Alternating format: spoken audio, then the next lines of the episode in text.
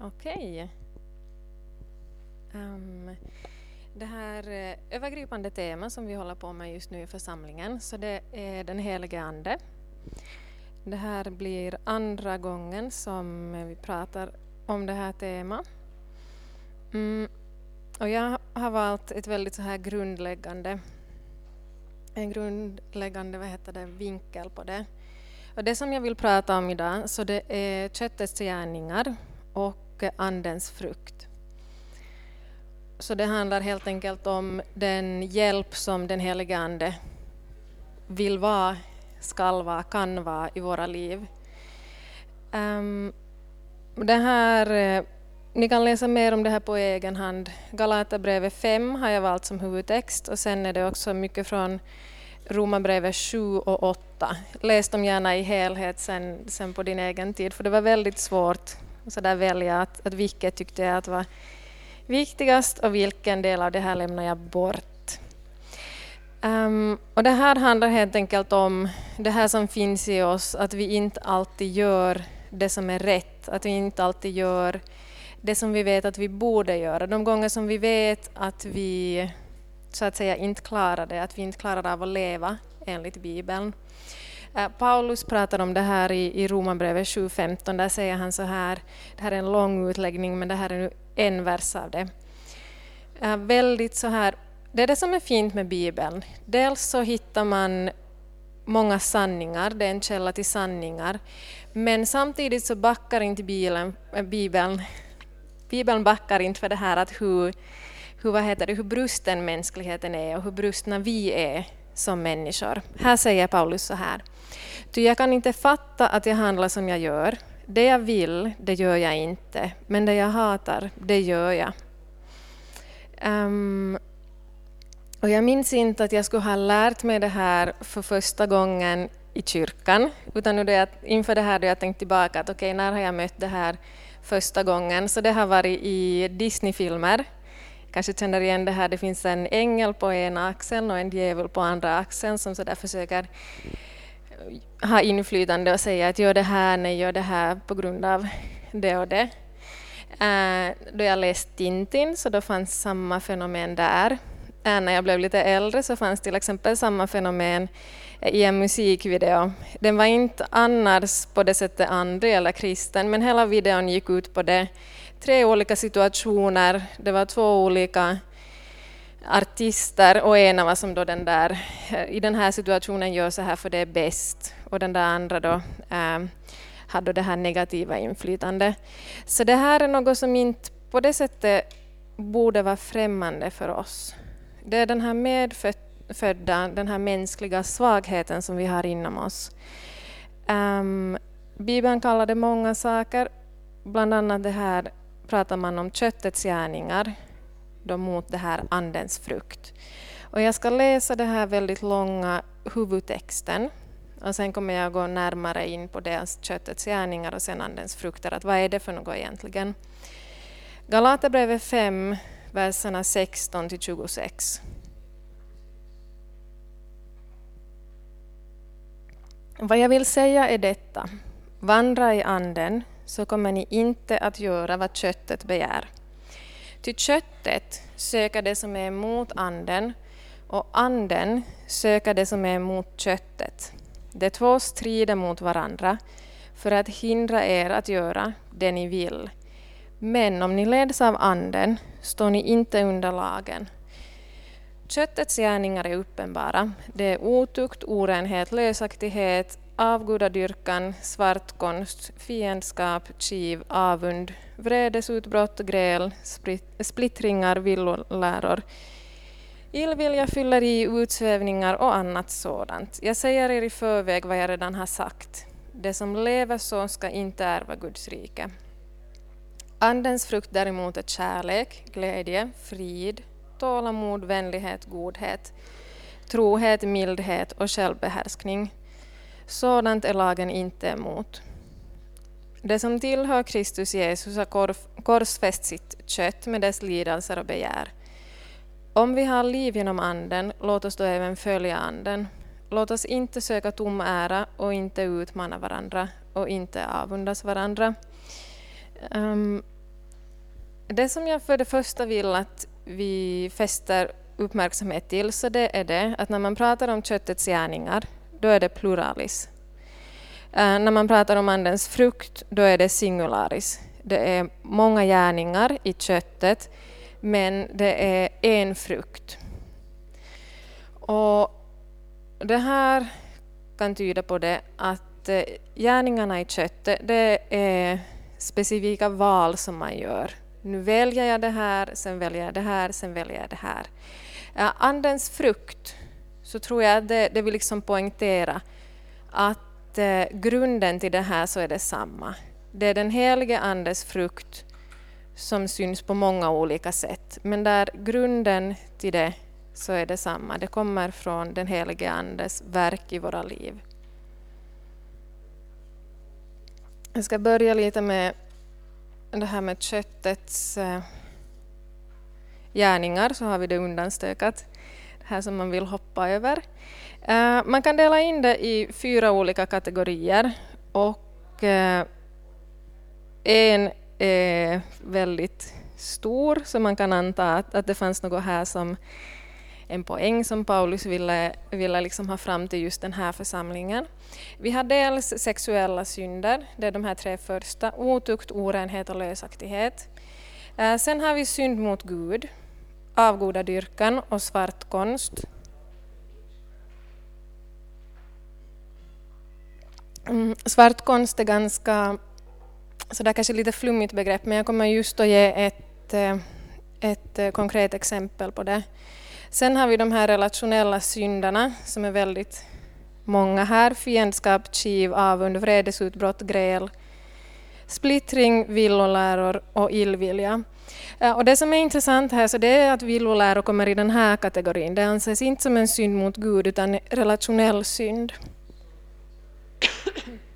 Och det här så kan man då anta att beror på att det är liksom inga stora läror här som, som vad heter det, det handlar liksom inte om det att finns det nåd eller finns det inte nåd eller så här, utan det handlar om liksom då man låter de här detaljerna, den här finslipningen av tron, då man låter det bli viktigare, att vem har rätt och vem har fel, när man låter det gå före liksom den här gemenskapen i gruppen.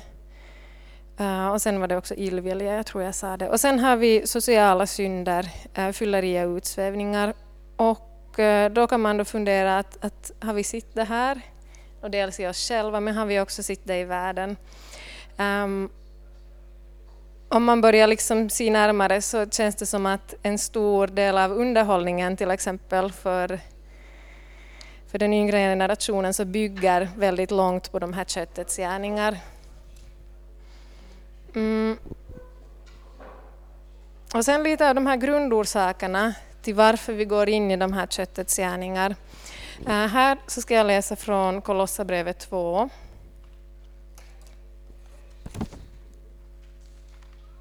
Här är då ett exempel på... Vad heter det?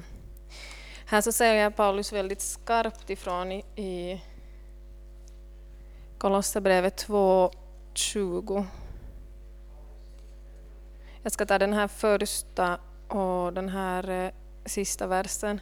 Om ni med Kristus har dött bort från världens stadgar, varför uppför ni er då som om ni levde i världen och böjer er under dess bud? Ähm, detta uppfattas visserligen som vishet med sin självvalda gudstjänst, sin ödmjukhet och sin spekning av kroppen. Men det har inget värde utan är bara till för att tillfredsställa det köttliga sinnet. Här är det svåra med köttets gärningar och andens frukter. Det beror så mycket på att vad är källan till det här? Uh, Gör jag det här i egen kraft eller är det anden, Guds ande i mig som, som verkar till det här? Eh, på utsidan kan det se väldigt bra ut, men det som händer inuti, orsaken till att man gör det här, är det det att det är de här reglerna som är viktiga? Eller är det det att jag är förankrad i Gud och jag vet vem han vill vara i mitt liv, jag vet att det här är det bästa för mig? Vad är liksom den här grunden och ursprunget i att jag gör som jag gör? Um, en annan orsak till det här köttets gärning, alltså det är det att vi har en, den här med, medfödda svagheten. Det hör helt enkelt till vår natur. den här svagheten. Jesus hade tillbringat väldigt mycket tid med lärjungarna. Ändå när han gick till Getsemane för att be bad han att de skulle be med honom. Och sen då han första gången kom tillbaka och såg att de sov så sa han så här att, att anden är villig men köttet är svagt. Vi har alla den här svagheten inom oss och vi är medvetna om det. Um, sen, jag vet inte om det var som jag blev lärd eller som jag tog emot, det som jag fick höra. Men då jag var ung så då, då förstod jag det så att om man syndar, om man gör fel, så då är det det för att man vill det, för att man väljer det. Och många gånger är det så. Men samtidigt så är vi mycket mer komplexa som människor är så, än så. Eh, det handlar kanske inte alltid efter att man längtar efter att just på det här sättet leva i köttet, utan det kan handla om att man eh, återskapar de modellerna som man har haft i sitt liv att man har något trauma som man bearbetar eh, sådär instinktivt på ett visst sätt. Så det är liksom mera, mera än så. Och det som vi väldigt tydligt ser här i Galaterbrevet, så det är det att eh, Gud är väldigt tydlig med att sen jobbar han inte så mycket mera med köttet. Det står här att att det som tillhör Kristus Jesus har korsfäst sitt kött med dess lidelser och begär. Så det är liksom ut med det där gamla och in med det här nya, att, att uh, vandra i den helige Ande istället. Mm.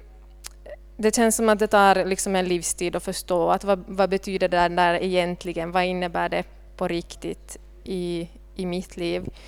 Men eh, vi måste förstå att det här är liksom Gud som, säger, som lär oss det här. Och vi får bara lita på att okej okay, Gud, så här står det, så här har du lovat. Visa mig vad det betyder. Hjälp mig att förstå det. Och så kan jag också poängtera att den här listan eh, slutar med orden och annat sådant. Så det finns liksom mer, mer i det här. Yes. Okej. Okay. Och nu vägrar jag att sluta min predikan. För nej, sådär, det liksom slutar aldrig här.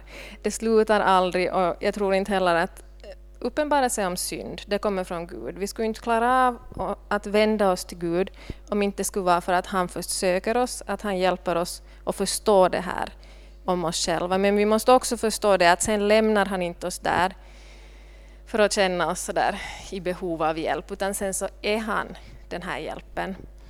Så det är jättebra att ha den där realistiska synen på sig själv och veta att okej, okay, av köttets gärningar så kan jag identifiera att det, det, är säkert de här sakerna som är mitt största problem. Men eh, det stannar inte här. Och jag vill läsa från Romarbrevet 7, vers 24.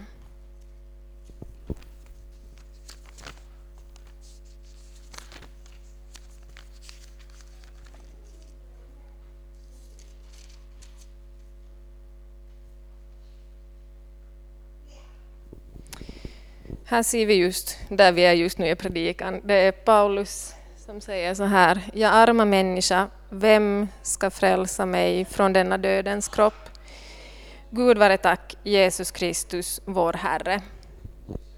Så det är liksom vår fortsättning. Det är liksom där vi går vidare i det här. Det är en jättebra attityd, det är en jättebra sak att tänka det här att, att eh, vi som kristna jämfört med andra människor, det är inte på det sättet något speciellt med oss. Vi är förlåtna, men vi är inte på det sättet bättre eller mer värdefulla som människor. Det är en jättebra och ödmjuk attityd att ha. Men eh, samtidigt så ska man komma ihåg att man inte ska förminska det här den helige Andes verk i våra liv, vad han vill göra i våra liv. Och som jag sa, att det slutar inte med den här insikten om, om synd, om köttets gärningar, utan att det liksom bara är början. Och nu vill jag prata om Andens frukter. Och trots att de här är väldigt praktiska så ska jag, eh, vill jag bara poängtera att det finns något övernaturligt med det här. Att det är inte bara baserat på omständigheterna, på det som vi ser, på det som vi själva klarar av, klarar av att prestera, utan det finns någonting av Gud i det här. Um, vi har dels den här kärleken som nämns först, som är den här gudomliga kärleken. Till exempel det att man ser på andra med Guds ögon, att man ser det som Gud ser då man ser någon annan. Och också det här att man behöver inte snåla med kärleken, utan vår kärlek så det grundas i det att vi är älskade av Gud. Och därför så har vi också övernog av det. Andens frukter kan man dela in i tre olika kategorier. Dels den här relationen med Gud, det vill säga kärlek, frid och glädje. Eh, sen relationen med andra, med sina medmänniskor. Tålamod, vänlighet, speciellt vänlighet i handlingar. Eh, godhet, i en handlingar, att man gör det som är gott. Jag till exempel är generös. Och sen relationen med sig själv. Mm. Till exempel då trohet, det vill säga håll ditt ord, kom i tid och så vidare. Äh, mildhet. Det här beskrevs jättefint som kraft under kontroll, det vill säga att man väljer när man så att säga utagerar, att man väljer sina stunder. Och också det här att man har Kristi sinnelag och sen självkontroll i den heliga Andes kraft, det vill säga att jag gör det som Gud vill, trots att det kanske känns som att jag vill göra något annat.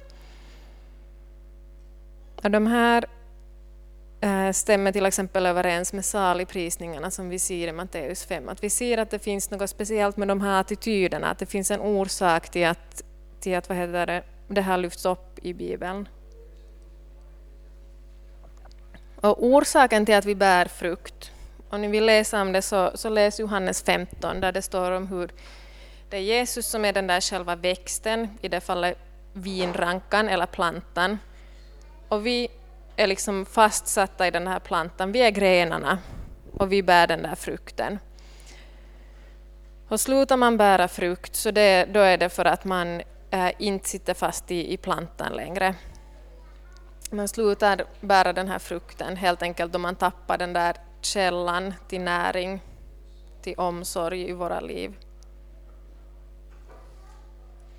Okej, okay, och sen vill jag gå över till att prata om att hur gör man det här då? Hur vandrar man i anden?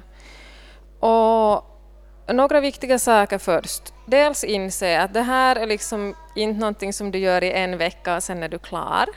Utan det här är liksom ett livsprojekt. Du kommer hela ditt liv och ha det här valet andens frukt eller köttets gärningar.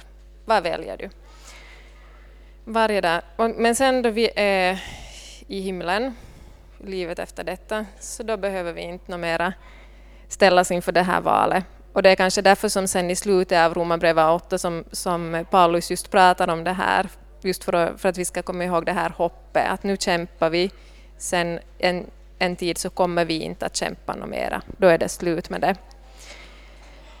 Och sen så ska man också inse det att, att vi har var och en en eller flera, flera områden som man utmanas i. Om du tror att det finns någon som inte kämpar med något av det här så då känner du inte den personen särskilt väl eller så är den personen bra på att spela teater. Och det är också det att, att vi kämpar med olika områden. Uh, det finns saker i det här, till exempel ja, av Andens gärningar som jag har varit ganska nära och inte på det sättet själv blivit indragen i. Men för det, sätt, det ger som inte mig rätten att gå fram till någon och vara sådär att, men att hur kan du kämpa med det här, det här är ju jätteenkelt. Utan på grund av de som vi är, på grund av vårt förflutna, de som vi har varit, de som vi är, så kämpar vi med olika saker. Och en annan sak som är viktig att inse att det är det att det här köttets gärningar, alltså de kan man så att säga falla in i, de kan man så där, det är väldigt lätt att dras in tillbaka i dem. I och med att andens frukter, det handlar så mycket om karaktären, det handlar så mycket om det där långsiktiga. Men man måste komma ihåg det att bara för att man, om man nu några sekunder får ett vredesutbrott eller något sånt där, att allt är liksom inte kört för det, utan det handlar om livsstilen, att vad ser man i långa loppet att växer i ens liv.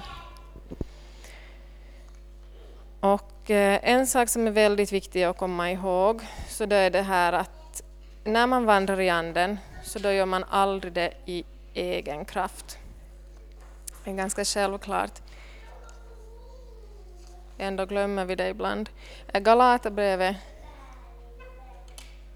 Galaterbrevet 3, här kommer det här med um, svartkonst. Galaterbrevet 3, äh, eh, vers 1 så frågar han så här att, att vem har förhäxat er? Ni som har fått Jesus Kristus framställd för era ögon som korsfäst. Och sen i vers 3. Är ni så dåraktiga? Ni som började i anden ska ni sluta i köttet. Och det som Paulus var så arg över här, så det var det att äh, Förstår ni inte det här med att ta emot nåden, förstå att man är frälst av tro, av nåd. Förstår ni inte att det är det som är viktigast? Det handlar inte om hur bra man klarar av att, och leva de här reglerna. Det handlar inte om att i egen kraft bli bra nog för Gud, utan det handlar om att, att Gud har den här nåden för oss, att han har den här vägen framåt för oss. Här säger han väldigt skarpt ifrån av det, att gå inte bort från den här nåden. Att orsaken till att vi gör det som vi gör, så det är det att vi har Jesus som källa för nåd i våra liv. Det han gjorde på korset, inte för att vi är, är sådär jätteduktiga.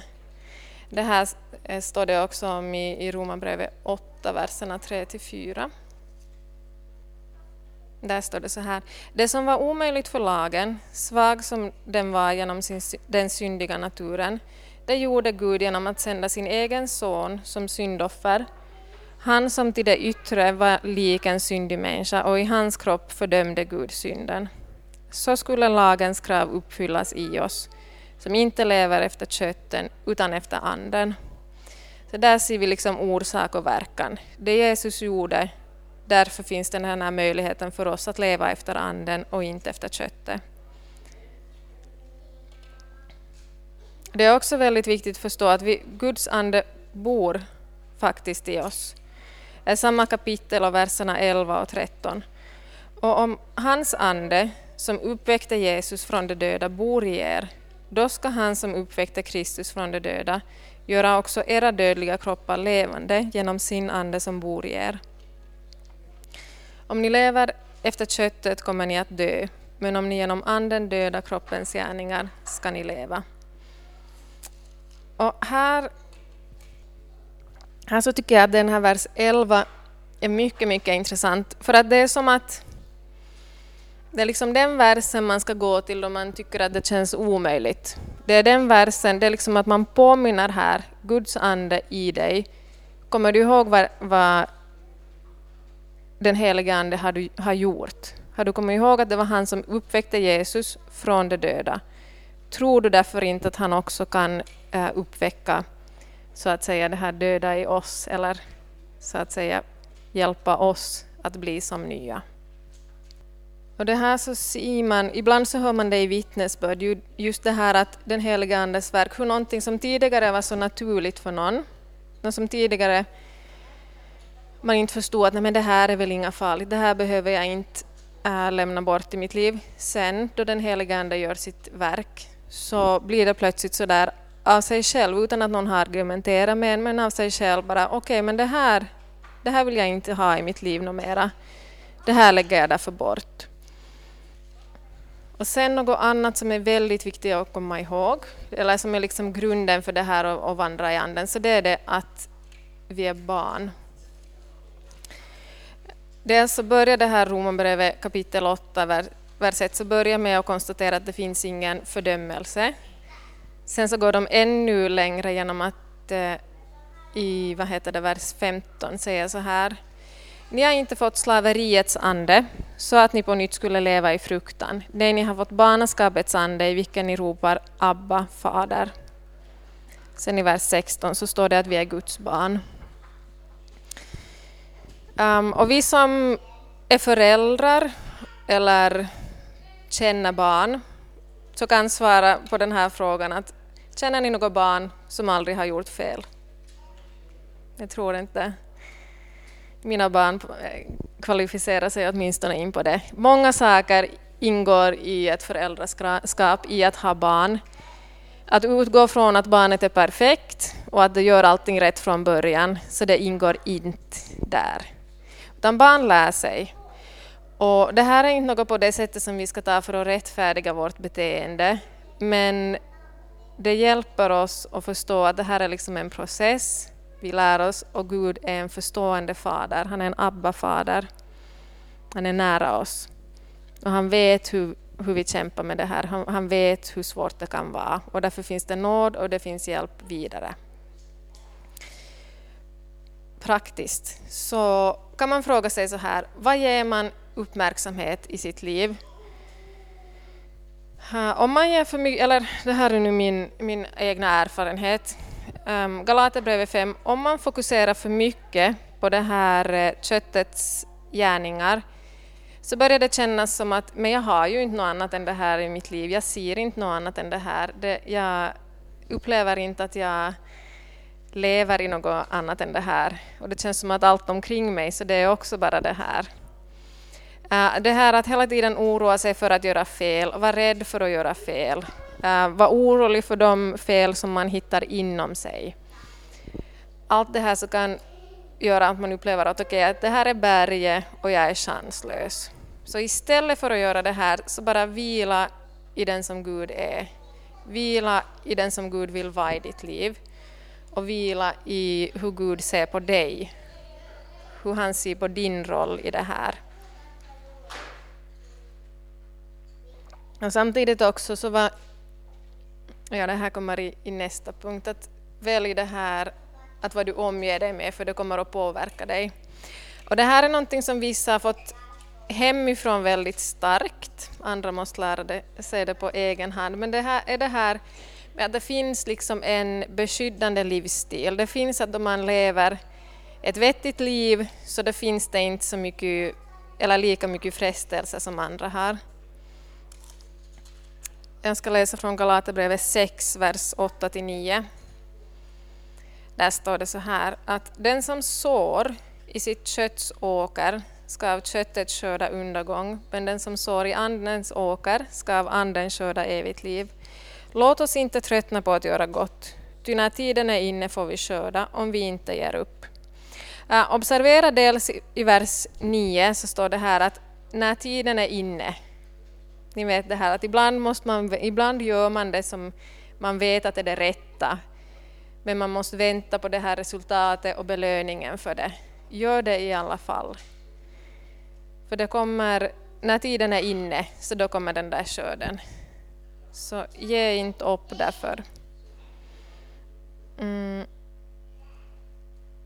Och här tror jag också att det finns en viss eh, eh, utmaning för oss att vara lite analytiska och kritiska till den här egna, egna livsstilen.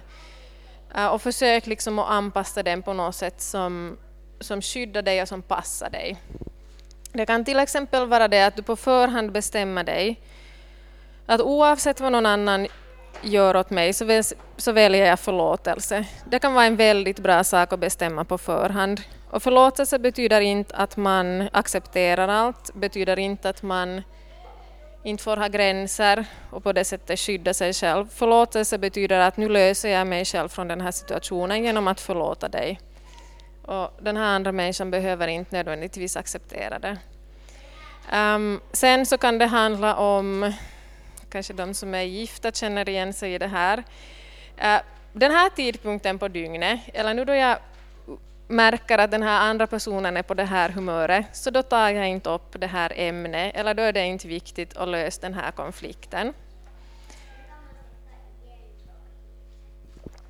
Eh, och sen helt enkelt att de här sakerna som man vet att det är bra för en, så då, då ger man inte sig själv något alternativ för det.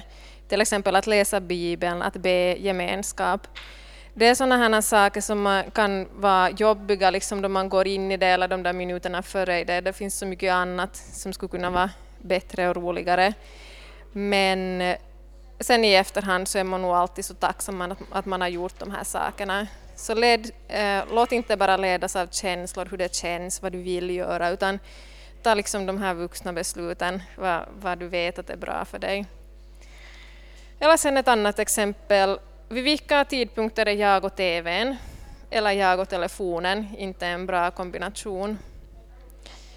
Äh, här så, eh, om man är, förälder så kanske man känner igen det här också att här så behöver oftast en ba, ens barn lite vägledning och lite hjälp i det här. Och sen en annan sak som är viktig att göra då man vandrar i anden, så det är det helt enkelt, njut av livet. Kom ihåg det. En del saker är synd, en del saker är köttets gärningar.